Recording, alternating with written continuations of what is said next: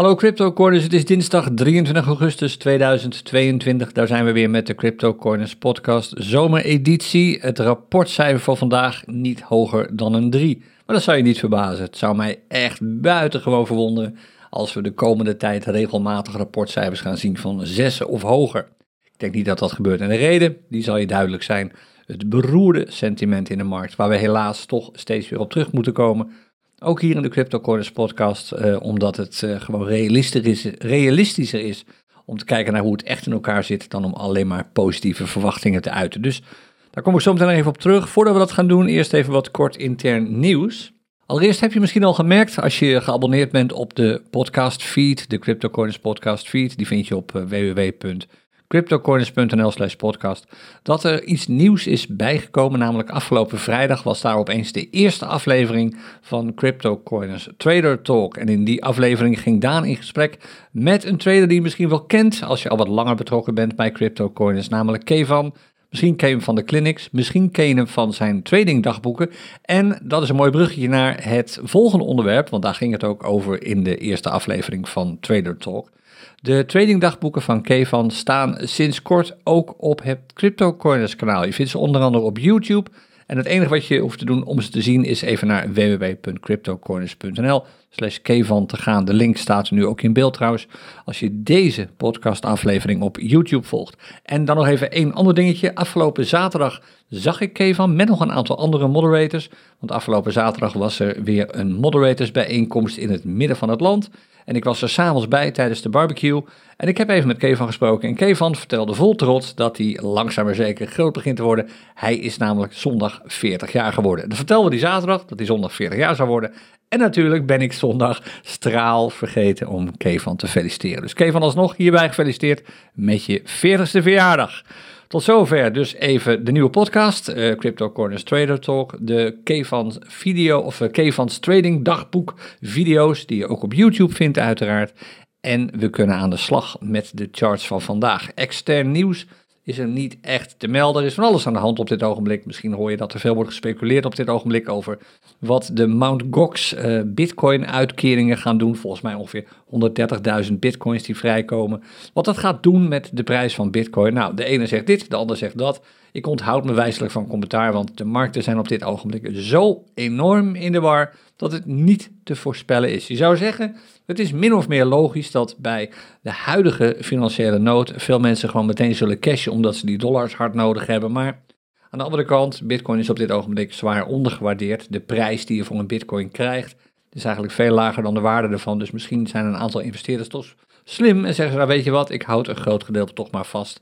En ik cash alleen dat gedeelte uit wat ik echt nodig heb. We gaan het vanzelf meemaken de komende dagen. Op de charts heeft het wel wat impact op dit ogenblik, maar ook weer niet al te veel.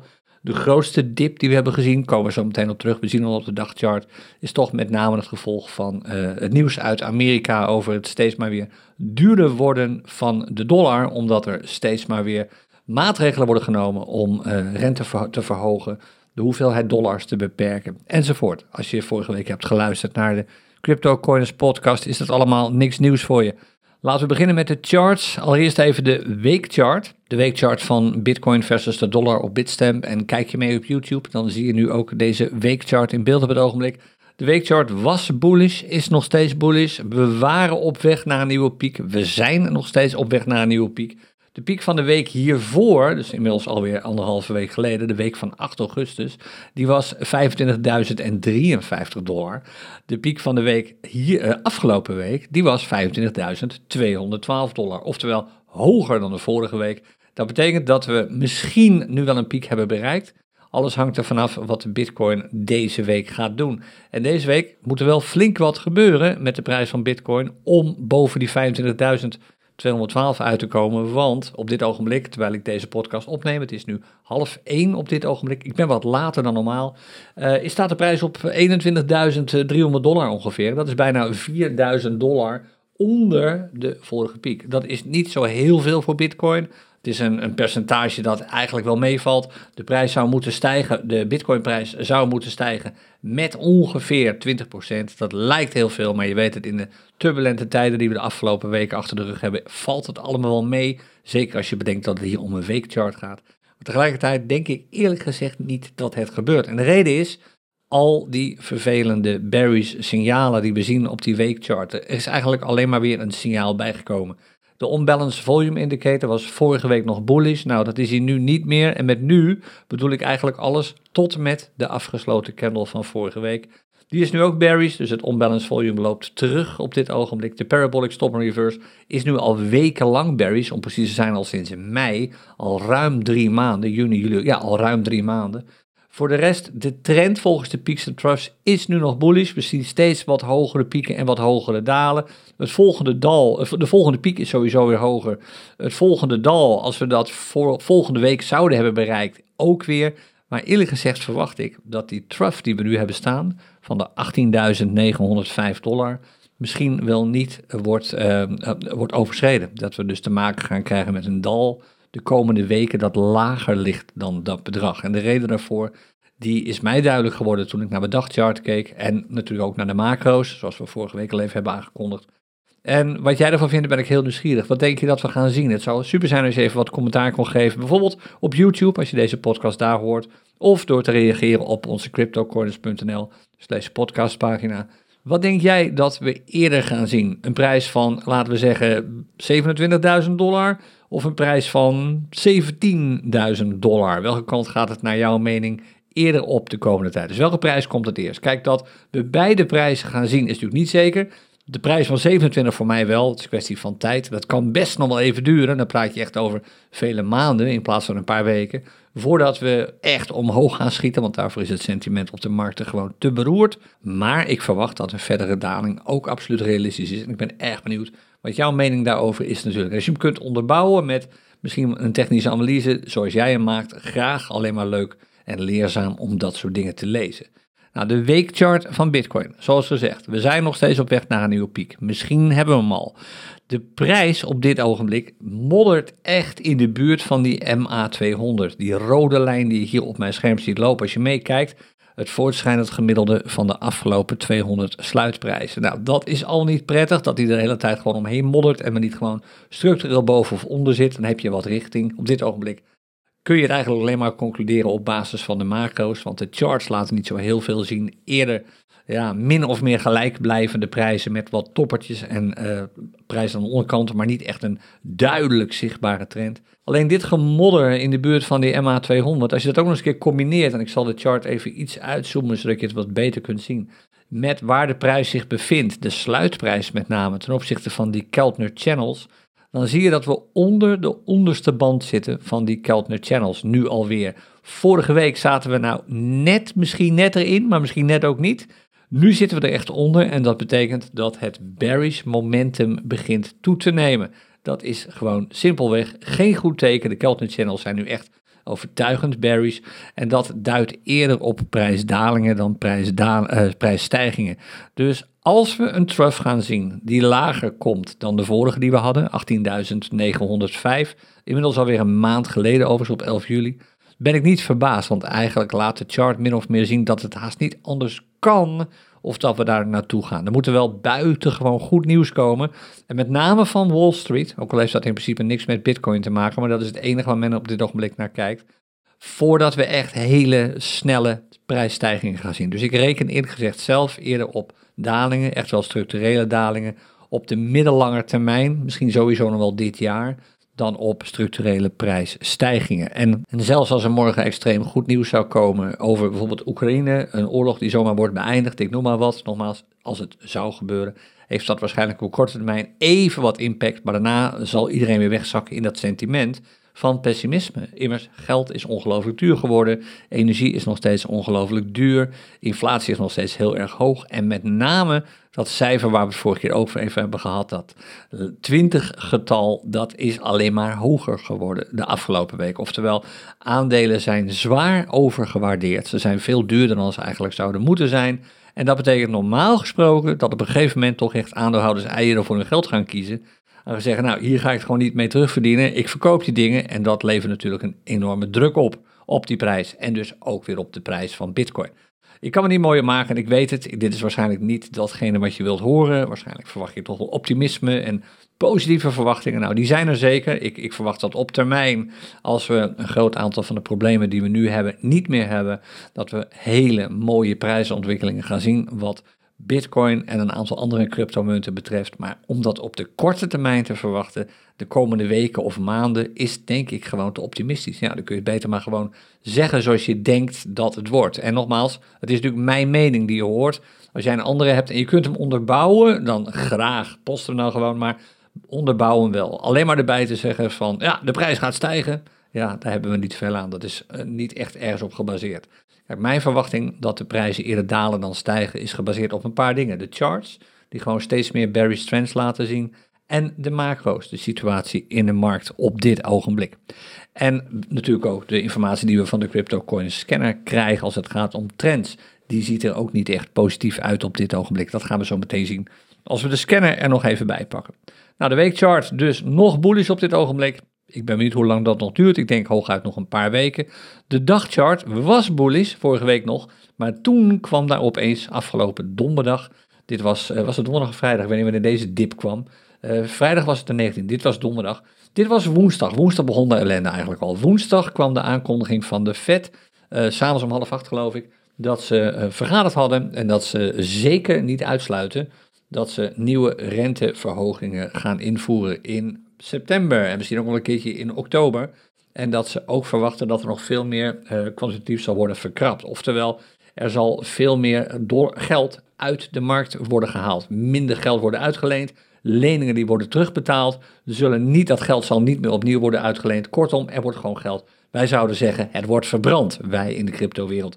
Dat geld wordt niet meer gecreëerd, maar wordt nu gewoon teruggehaald. En dat betekent krapte, het betekent minder geld beschikbaar. Dat met een hogere rente betekent dat geld duurder wordt. En dat betekent dat de bereidheid om te investeren dus lager wordt. Mensen hebben op dit ogenblik gewoon eerder een gevoel van zekerheid bij de dollar dan bij investeringen. Of dat nou investeringen in goud zijn, of in crypto, of in aandelen.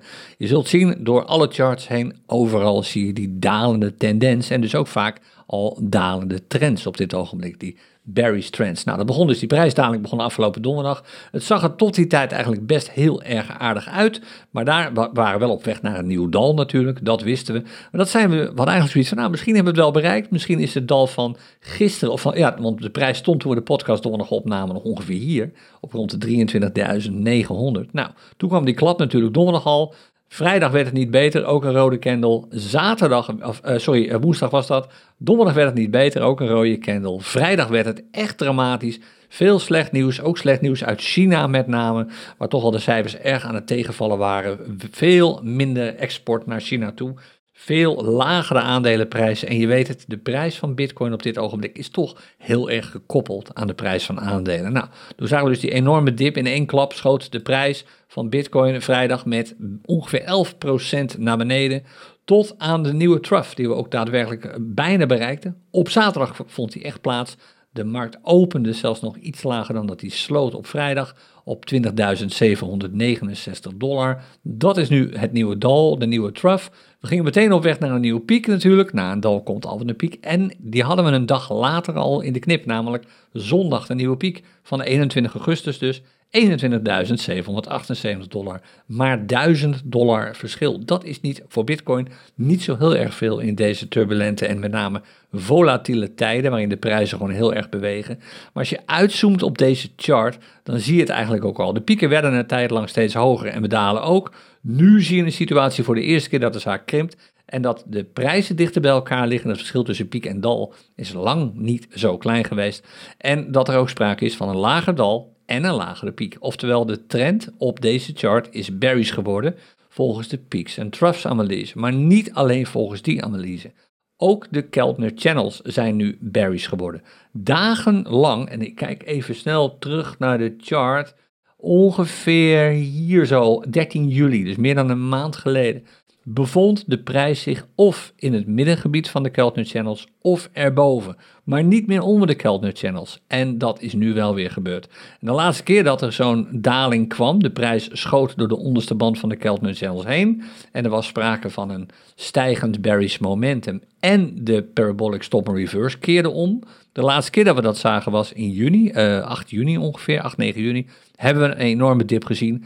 En dat wil niet zeggen dat de geschiedenis zich moet herhalen, maar lettend op het sentiment op dit ogenblik, lettend op het feit dat eigenlijk alles rood is wat Bitcoin betreft, wil je gewoon niet worden verrast door plotselinge dalingen. Dus wat je zou kunnen overwegen, wat een aantal traders ook al doen trouwens, en ook sommige beleggers zeggen, weet je wat, we zitten nu op die dagchart in die bearish trend.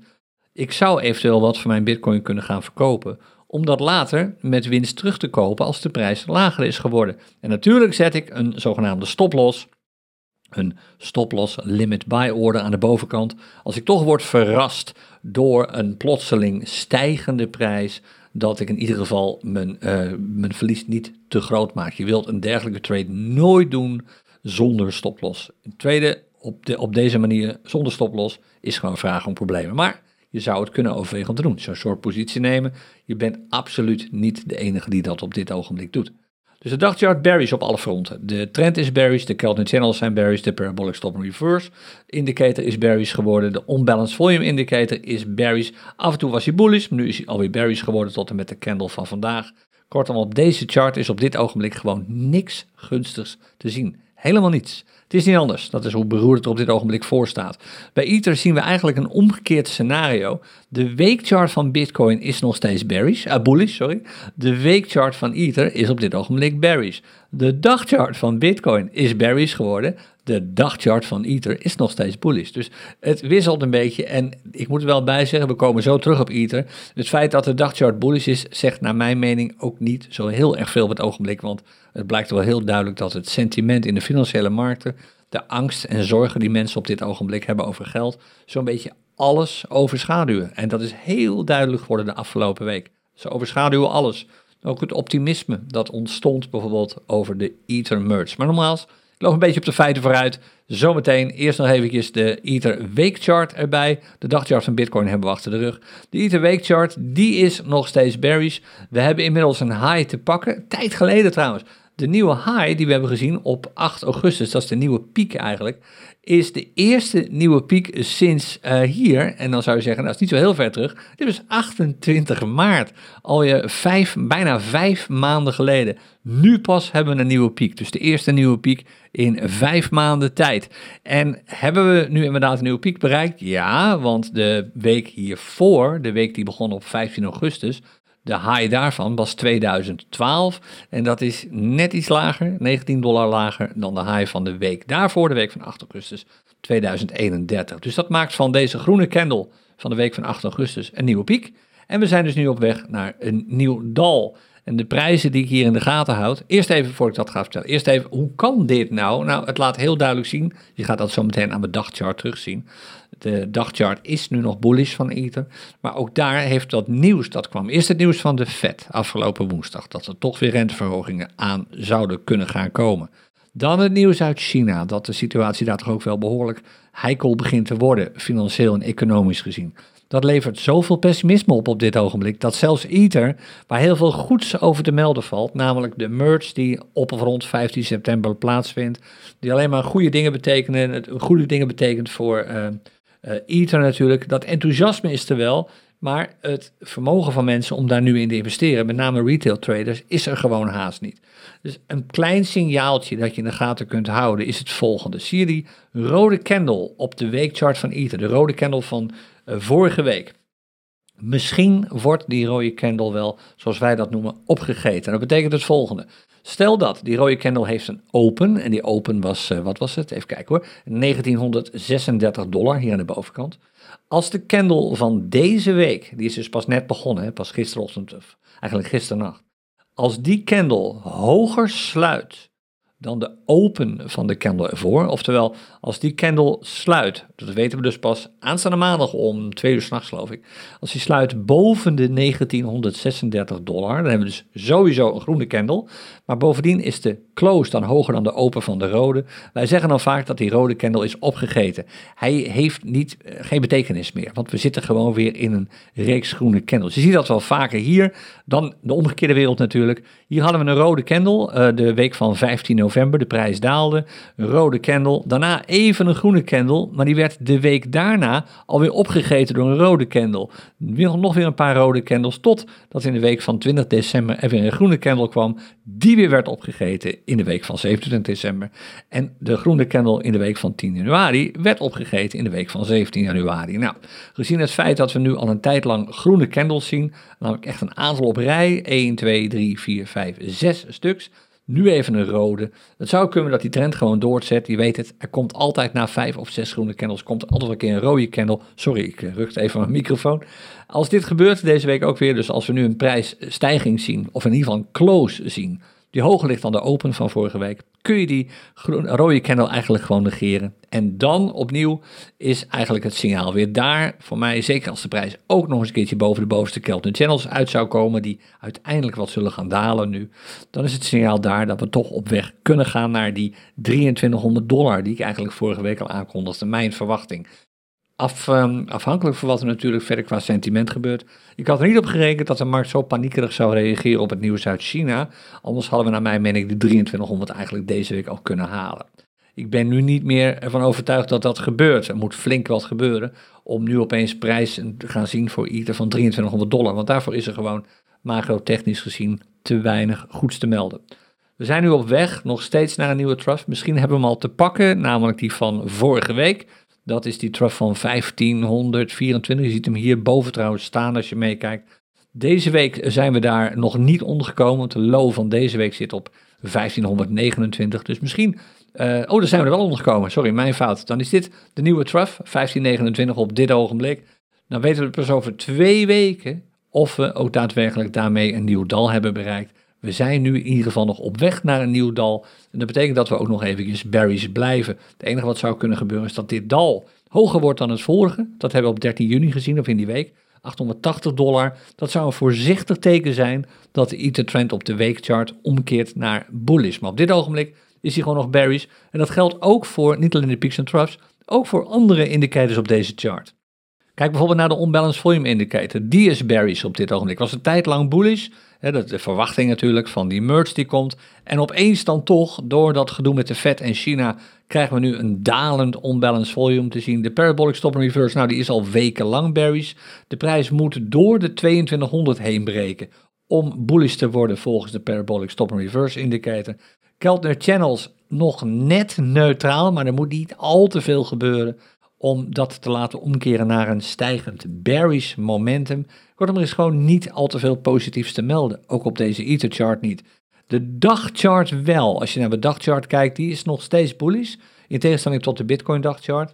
De unbalanced volume indicator, die uh, leading is, het is vaak een indicator die een beetje vooruit loopt op de feiten, geeft aan dan, ondanks het feit dat de prijs aan het dalen is en ook we hier eigenlijk volgens peaks en troughs al bezig zijn naar een bearish trend, hij is nog bullish, maar de onbalanced volume indicator geeft aan dat dat trend wel eens bullish zou kunnen blijven. We zien een stijgend volume of een, toenemend volume bij stijgende prijzen. Dat is gunstig. Maar Parabolic Stop in Reverse is nu alweer vijf dagen op rij bearish. De Keltner Channels, de prijs moddert er nu min of meer onder of op maar is niet bullish, is eerder bearish dan bullish op dit ogenblik. Er moet nogal wat gebeuren om deze chart echt te laten omkeren. Dus wat ik op die dagchart in de gaten ga houden is, wat ik eigenlijk op let is op de prijs van 1656 vorige week. Als we daaronder komen, dan is dat een signaal dat deze chart wel eens bearish zou kunnen gaan worden. En dat is gebeurd. We hebben een lagere trough, we hebben een lager dal. Maar toch Ondanks het feit dat we al wel een lower low hebben, die hadden we trouwens al hoor, we hebben, nog steeds, we hebben nu een nieuwe lower low, hebben we nog steeds een higher high. De vorige high die we hebben gezien, dat was deze van 14 augustus, is op dit ogenblik nog steeds de hoogste. Na een high komt een low, eh, of na een piek komt een dal. Nou, dat dal hebben we nu dus te pakken op 20 augustus. We gaan nu op weg naar een nieuwe piek. En je snapt dus automatisch wat mijn eikpunt is. Omdat we een nieuwe piek moeten hebben voordat we kunnen bepalen wat de trend op deze chart wordt. Op dit ogenblik is hij nog steeds bullish. We hebben al een lower low, dat is het eerste teken van een bearish trend. Als de volgende piek onder de piek van 14 augustus komt, 2031, wordt deze chart ook bearish. En dan hebben we voor Ether dus een bearish dagchart en een bearish weekchart. Ik denk dat de kans dat het gebeurt klein is. Het kan gebeuren, maar klein is, omdat er toch de moed euforie gaan ontstaan over wat er met de merge gaat gebeuren. En dat by the rumor, the nieuwsverhaal is normaal gesproken echt sterk. Ik geef zonder meer toe wat er gebeurt in de wereld op dit ogenblik, wat de, de angst voor geld alleen maar laat toenemen, is heftig. Maar het Ether-nieuws voor crypto-enthousiasten is er gewoon. En het is een kwestie van tijd voordat retail traders zullen zeggen: Oké, uit Bitcoin kan ik op dit ogenblik het gewoon niet halen. Er zijn weinig munten die het op dit ogenblik gewoon structureel doen, uh, goed doen. Bij Ether ziet het er in ieder geval allemaal positief uitgaat, uh, uit als het gaat om ontwikkelingen op dit ogenblik. En dat betekent dat ik nu eens ga proberen om op dit gerucht te cashen. En dat betekent ook dat je erop zou moeten rekenen dat er vlak voor de merge, zo op en rond de 15 september, wel weer een dip zou kunnen komen. Dus dit is echt een buy the rumor, sell the news verhaal natuurlijk. Nou, de urenchart van Ether, die pakken we morgen wel even, of uh, donderdag wel even op als we de volgende podcast maken. Even snel de prijs van goud erbij en daar zie je het ook al aan. Een aantal dagen geleden waren we nog uh, net van bij de hoogste piek vandaan, waren we op weg naar een nieuwe trough. En de prijs is sindsdien eigenlijk alleen maar verder gedaald. We hebben op dit ogenblik alweer een nieuwe trough te pakken. Die zit hier op dit niveau, 1727. Is weer lager dan de vorige. De chart blijft nog wel even bullish, want we hebben een hogere piek. Maar je ziet die prijsdalingen, die enorme hoeveelheid rode candles achter elkaar, het rechtstreeks gevolg zijn van wat er in de Fed is aangekondigd, wat er in de rest van de wereld gebeurt, hoop inflatie natuurlijk, en wat er in China is gebeurd. De aankondiging daar dat de economie daar echt gewoon ja, min of meer op zijn gat ligt, maakt de zorg van mensen uh, dat ze uiteindelijk in, um, uh, met een gebrek aan dollars komen te zitten groot. En dat betekent dat ook goud op dit ogenblik gewoon op de schopstoel ligt. Zo'n beetje alles op dit ogenblik, de prijs van alle assets, staan gewoon zwaar onder druk. Dus dat geldt ook voor goud. Nou, dan even de Fear and Greed Index. We hadden vorige week nog een waarde van, wat was het, 51 of 55 of zo. Behoorlijk neutraal. Dat is allemaal wat gezakt. Inmiddels nog maar 46, zoals je ziet. Alweer op weg naar angst. Geen wonder. Het wordt heel duidelijk, steeds duidelijker, dat de prijzen van aandelen zwaar zijn overgewaardeerd. Kun je die regel van 20 nog herinneren waar ik het uh, vorige week met je even over heb gehad?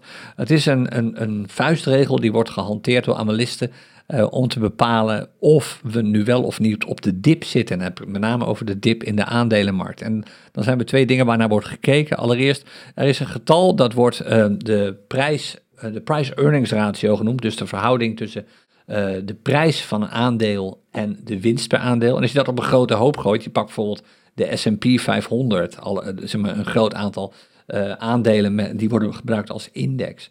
En je kijkt naar de, de price-to-earnings waarde daar, die is veel te hoog op dit ogenblik. Die ligt ver boven de 20, volgens mij 27 of zo. En er is dat, dat, dat getal van 20, dat de regel van 20 is gebaseerd op twee waarden. De som van de price-to-earnings ratio, gemiddeld gezien, over het afgelopen jaar, trailing dus, moet eh, met de inflatie erbij, waarbij je gewoon het percentage neemt als getal, op dit ogenblik ongeveer 8,5 procent. Dus de som is dan, wat is het, 27 plus 8, 35. Sommige mensen zeggen dat de PE-ratio niet hoger is dan 22, maar dan blijft het 22 plus 8 is 30, is hoger dan 20. En zolang dat zo is, is de dip gewoon niet bereikt. Kijk, die price-to-earnings ratio laat zien dat, en dat is trouwens niet de enige indicator, als je kijkt naar de, de Buffett indicator, die laat ook zien dat alles gewoon overgewaardeerd is dat aandelen op dit ogenblik gewoon te duur zijn. De gemiddelde terugverdientijd van een aandeel op dit ogenblik is 30 jaar. Ja, dat is gewoon te lang, veel te lang. Koppel dat aan een enorme hoge inflatie. En dan snap je waarom steeds meer aandeelhouders zullen zeggen: Ik wil van die dingen af, ik verkoop ze, dan maar met verlies, ik neem een verlies, volgende uitdaging. Maar als dat gebeurt en te vaak gebeurt, dan zul je zien dat prijzen snel gaan dalen, want ook in de aandelenhandel wordt natuurlijk met hefboom gehandeld, leverage trading. Er worden marge, marges worden gecalled, zoals het heet. En dat kan zomaar betekenen dat de prijs opeens nog veel verder dalen. En de enige reden om dat cijfer, die, dat, dat, die regel van 20, om dat te laten lukken, is als je opeens een price-to-earnings ratio ziet van ver onder de 20. Die zou op dit ogenblik rond de 11 moeten liggen. Dan zou je zeggen, oké. En dat kan alleen maar gebeuren als er opeens op dit ogenblik of massale winst wordt gemaakt. Echt, dan moet je echt winstcijfers gaan zien die 50% hoger liggen dan vorig jaar. Nou, ik denk dat je dat gewoon kunt vergeten bij de huidige markten. Of een inklappen van heel veel aandelenprijzen met misschien wel 30%. En dat is dus een realistisch scenario. Dat aandelenprijzen nog een enorme klap gaan krijgen. En je weet wat er gebeurt als dat daadwerkelijk plaatsvindt. Dan krijg je een enorme klap ook in cryptomarkten. En ben ik dan alleen maar pessimistisch hierover? Het antwoord is ja, als het gaat om prijsontwikkeling op de korte termijn. Dan wil je gewoon rekening houden met dergelijke scenario's. Maar nee, als het gaat om de waarde van Bitcoin en crypto. Kijk, het fundamentele onderzoek dat je ongetwijfeld hebt gedaan voordat je aan Bitcoin begon, is gebaseerd op de waarde van Bitcoin en niet op de prijs ervan. En met die waarde van Bitcoin is niks aan de hand. De prijs op dit ogenblik is veel lager dan de feitelijke waarde ervan. Afhankelijk van hoe je die waarde berekent, zul je uitkomen altijd op een prijs-waardeverhouding waaruit blijkt dat Bitcoin is ondergewaardeerd. De prijs-waardeverhouding van aandelen, precies andersom, die zijn zwaar overgewaardeerd. En dat betekent dus dat je op dit ogenblik, als je nu bitcoin zou kopen, het kan ongetwijfeld nog goedkoop, want ik verwacht dat die dips wel komen, het in ieder geval onder de waarde koopt en niet erboven. En als je weet dat die waarde dus hoger ligt en dat die waarde relatief stabiel is en eigenlijk alleen maar zal stijgen omdat het aantal bitcoins alleen maar schaarser zal worden, er verdwijnen immers toch bitcoins, mensen die hun wallets kwijtraken, uh, enfin je weet hoe dit werkt, wallets, uh, computers die op de schroothoop verdwijnen waar toch nog een, een wallet op bleek te staan, mensen die hun keys verliezen enzovoort enzovoort. En er komen relatief weinig nieuwe bitcoins meer bij dan weet je dat de, de schaarste van Bitcoin in ieder geval niet zal veranderen. En of, het zal hooguit schaarser worden, naar mijn mening. En dat de waarde ervan ook niet afneemt. Maar de prijs doet dat wel. Dat maakt dus iets ondergewaardeerd. Dat betekent interessant om te kopen, mits je de lange adem hebt. Kijk, als je op dit ogenblik het geld hard nodig hebt, wat heel, voorspelbaar, heel voorstelbaar is, uh, om gewoon de boodschappen te kunnen betalen en straks eind van het jaar de energierekening te kunnen betalen, dan is naar mijn mening het laatste wat je wilt doen, nu je koopkracht gaan beschermen, tussen aanleidingstekens, door dat geld in crypto te stoppen of in aandelen te stoppen. Want de prijzen daarvan zullen eerder dalen dan stijgen. Logisch. In ieder geval dat gebied de logica op dit ogenblik. Want mensen hebben gewoon geld nodig. Maar als je bitcoin hebt gekocht voor een relatief goede prijs en je staat nu misschien een beetje onder water en je hebt dat geld niet per definitie nodig, dan wil je het waarschijnlijk gewoon in laten zitten, omdat de verwachting dat de prijs op termijn gaat stijgen, zodat die weer min of meer overeenkomt met de waarde, groter is dan als de prijs op termijn gaat dalen. Dus op korte termijn, de komende maanden, kun je gewoon kun je beter maar rekenen op prijsdalingen. Dat is in ieder geval wat ik doe. Maar op de lange termijn is naar mijn mening echt de sky the limit. En dan acht ik een bitcoinprijs van rond de 200.000, 300.000 dollar heel realistisch. En overigens toen ik ooit zei tegen mensen omheen dat ik verwachtte dat de bitcoin wel een keer naar de 20.000 dollar zou gaan, werd ik ook links en rechts aan alle kanten uitgelachen. Ik acht net zo waarschijnlijk dat de prijs ooit een keer 200.000, 300.000 dollar haalt, als dat ik toen dacht dat de prijs ooit naar de 20.000 dollar zou komen. Want nogmaals, de waarde van bitcoin is daar. En de prijs is alleen maar hoe mensen ernaar kijken, beïnvloed door dingen als angst en hebzucht. En je weet het op dit ogenblik, angst dicteert gewoon de markt. Nou, de Fear and Greed Index dus op weg naar Fear opnieuw. Ik zou echt er super raar van opkijken als het ding opeens naar Greed springt. Dan is naar mijn mening er echt iets aan de hand met de hersencellen van heel veel Amerikaanse beleggers. Want dat kan gewoon niet kloppen. Maar je weet hoe mensen op dit ogenblik reageren. En het is een van de dingen die ik probeer eigenlijk zoveel mogelijk niet te doen. Ik laat me niet gek maken door een klein beetje goed nieuws. Het nieuws structureel gezien is gewoon niet goed. Dan kun je beter maar gewoon rustig blijven zitten en wachten totdat je geschoren bent dan dat je op dit ogenblik gewoon manisch wordt en meteen instapt op het eerste kleine beetje goed nieuws. Want het draait gewoon niet op dit ogenblik. En dan moet je ook niet erop rekenen dat dat opeens zomaar van de ene op de andere dag omkeert. Dat is gewoon niet zo. Nou, dan die heatmap. Ik zei het net al even voordat ik begon met, uh, of toen ik bezig was aan de opname. Hij is nog groen, misschien is hij dat nog steeds. Nou, hij is het inderdaad nog steeds. Deze hoef je niet mee te rekenen, want dit zijn stablecoins, de USDC en de USDT. Die wijken altijd wat af. Ook de Binance Dollar, de Pax is dit eigenlijk de USDP. Is ook gewoon grijs, groen, maakt allemaal niet uit. De rest ziet er op dit ogenblik wat groen uit. Een paar meer donkere groene muntjes. Polkadot kwam wat goed nieuws over. Een van de analisten had bepaald dat uh, als het gaat om innova innovativiteit, blijft een moeilijk woord, uh, Polkadot uh, een van de betere munten is op dit ogenblik. Solana staat natuurlijk toch wat onder druk door wat slecht nieuws af en toe over mogelijke hacks, mogelijke niet goed werkende software, bla bla bla. Geldt ook voor Cardano. Cardano, sorry. Maar je ziet dat heeft zich allemaal een beetje hersteld. Dit is overigens allemaal leuk dat het nu groen is, maar dat mocht ook wel een keer. Want als je op de wat langere termijn kijkt, ziet het er gewoon allemaal veel minder gunstig uit. Ik weet niet of we dat kunnen zien hier met eh, Coin360. Uh, eh, dit werkt soms wel, soms niet. Nou, hier hebben we hem wel. Het werkt nu gelukkig wel. Uh, dit is Coin360 op de maand gezien. En dan zie je dat ten opzichte van een maand geleden om deze tijd het allemaal veel minder gunstig is.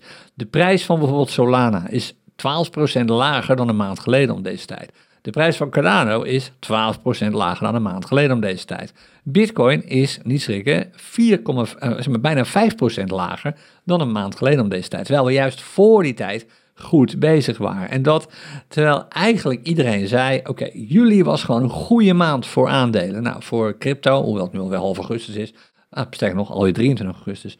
Op dit ogenblik is geldt dat voor augustus in ieder geval niet, zoals je ziet. De enige die het nog steeds aardig doet, is Ether natuurlijk. Daar, die profiteert nog steeds van de, de hype natuurlijk, op weg naar de merge.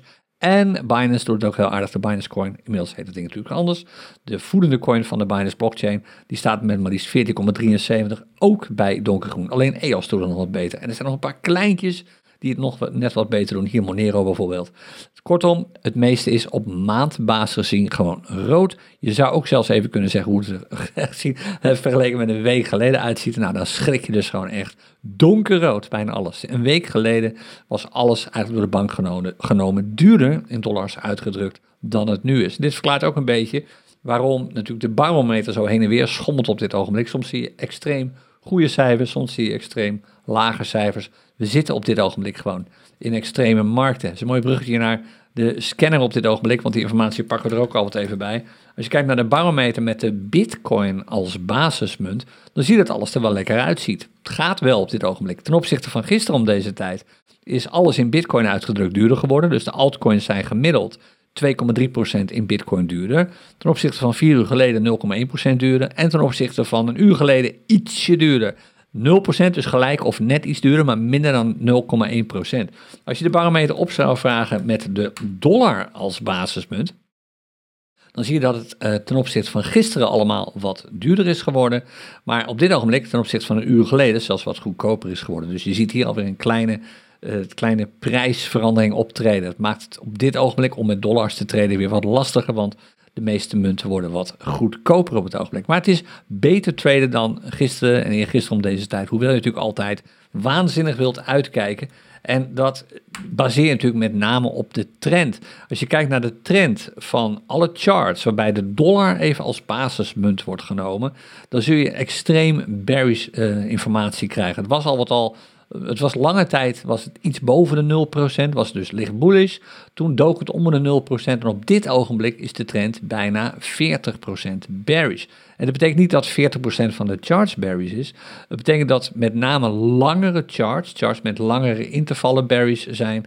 En dat er zijn altijd wel bullish charts te vinden natuurlijk, zoals Lazio op dit ogenblik versus de dollar. Veel uh, sportmunten doen het op dit ogenblik goed. Alpine doet het natuurlijk goed. Uh, Porto doet het aardig. Santos doet het goed. Lazio doet het goed. Het seizoen is natuurlijk weer begonnen. Dat maakt de awareness van dergelijke munten natuurlijk weer wat groter. Geldt niet voor Alpine, want daar loopt het seizoen al heel lang. Die hebben zelfs zomervakantie op dit ogenblik. Maar het zijn in ieder geval bullish munten. Maar dat geldt voor heel veel andere munten op dit ogenblik niet. Die zijn berries. Zelfs de goudprijs natuurlijk ten opzichte van de dollar, die is niet goed. Dat maakt de goud charts ook over het algemeen toch wel berries op de wat langere, ook op de korte termijn, maar ook de extreem langere charts, ziet er allemaal niet zo gunstig uit.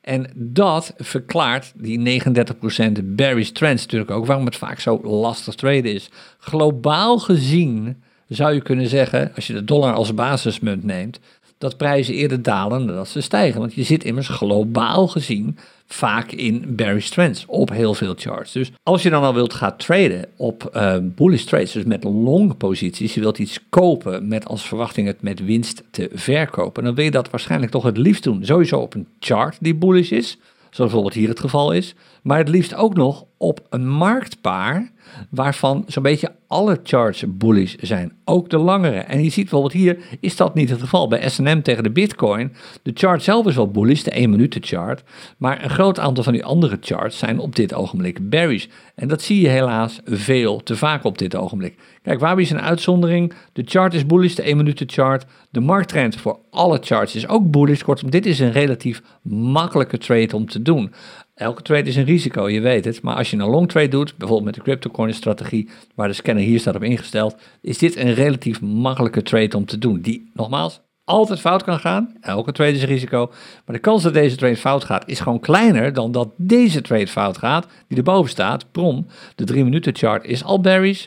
De gehele chart, alle charts voor dit marktpaar zijn eigenlijk bearish. Ja, dan is de kans dat de prijs stijgt gewoon niet zo hoog. De prijs is ieder geval niet in bitcoin uitgedrukt. Dus dat wil je gewoon goed in de gaten houden. En daar vandaar dat ik ook altijd zeg, als je de CryptoCoin scanner gebruikt, dit is een extreem waardevol hulpmiddel dat je hier hebt. Zet het aan door trend details aan te zetten. En trend schrijf je toch echt met een M en met een N en niet met een M.